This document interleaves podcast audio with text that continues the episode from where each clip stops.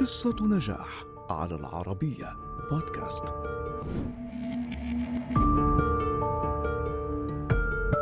بطل خارق ومبرمج خطير ينقذ البشر من حرب قادمة، ثم قاتل مأجور وغيرها.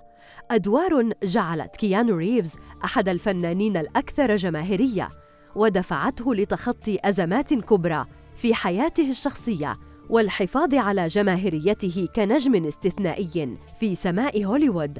فما قصته؟ ولد كيانو تشارلز ريفز عام 1964 في لبنان لأب من هاواي وأم إنجليزية عملت فنانة ومصممة أزياء. لكن والده عانى من تعاطي المخدرات وسجن بتهمة بيع الهيروين. كان حينها في الثالثة فقط من عمره. فبقي مع والدته وشقيقته حيث انتقلت العائلة إلى سيدني ثم إلى مدينة نيويورك قبل أن تستقر في تورنتو. تزوجت والدته ثلاث مرات أخرى بعد ذلك، فكانت طفولته غير مستقرة عاطفياً. كذلك لم يبدي ريفز اهتماماً بالدراسة بقدر الأنشطة الترفيهية التي قادته للمشاركة بعمل فني من إنتاج فرقة الروك الأمريكية Damn Yankees عندما كان في التاسعة. اهتم ريفز بالفن فعلا وحصل على قبول في مدرسة إيتوبيكو للفنون المسرحية حيث شعر بأنه ينتمي لهذا العالم لكن الفرحة لم تكتمل حيث تم طرده بسبب سلوكه المتمرد وانتقل لمدرسة ديلاسال حيث أحب رياضة الهوكي وتميز فيها كحارس مرمى لفريق المدرسة. أطلق عليه حينها لقب The Wall لكن الأمر لم يكتمل أيضاً بسبب تعرضه لإصابة. بعد ذلك قرر ريفز التركيز على المسار الفني وظهر في أعمال مسرحية وفنية منخفضة التكاليف.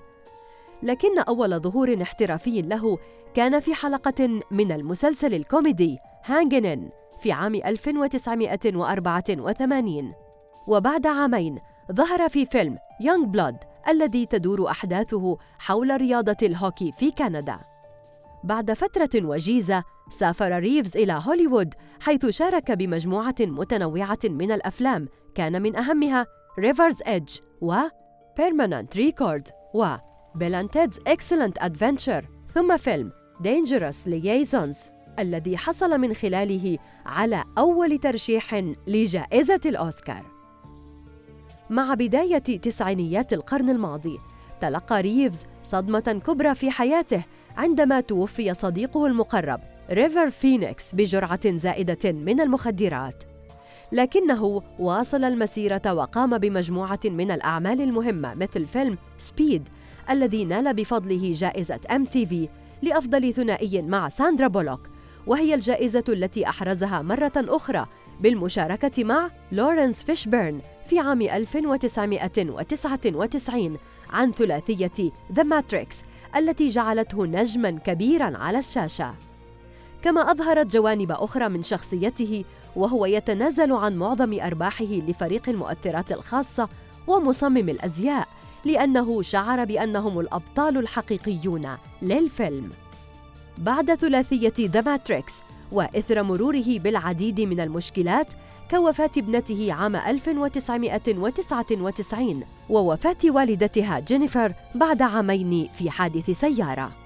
خفت نجم ريفز لسنوات ورغم أنه ظهر في عدة أفلام لاحقة وقام لأول مرة بالإخراج في فيلم Man of Tai Chi إلا أنه لم ينل الاستحسان الذي اعتاده حتى عام 2014 عندما بدأ الظهور بدور قاتل مأجور في سلسلة جون ويك التي أبقته في فضاء النجومية حتى يومنا هذا.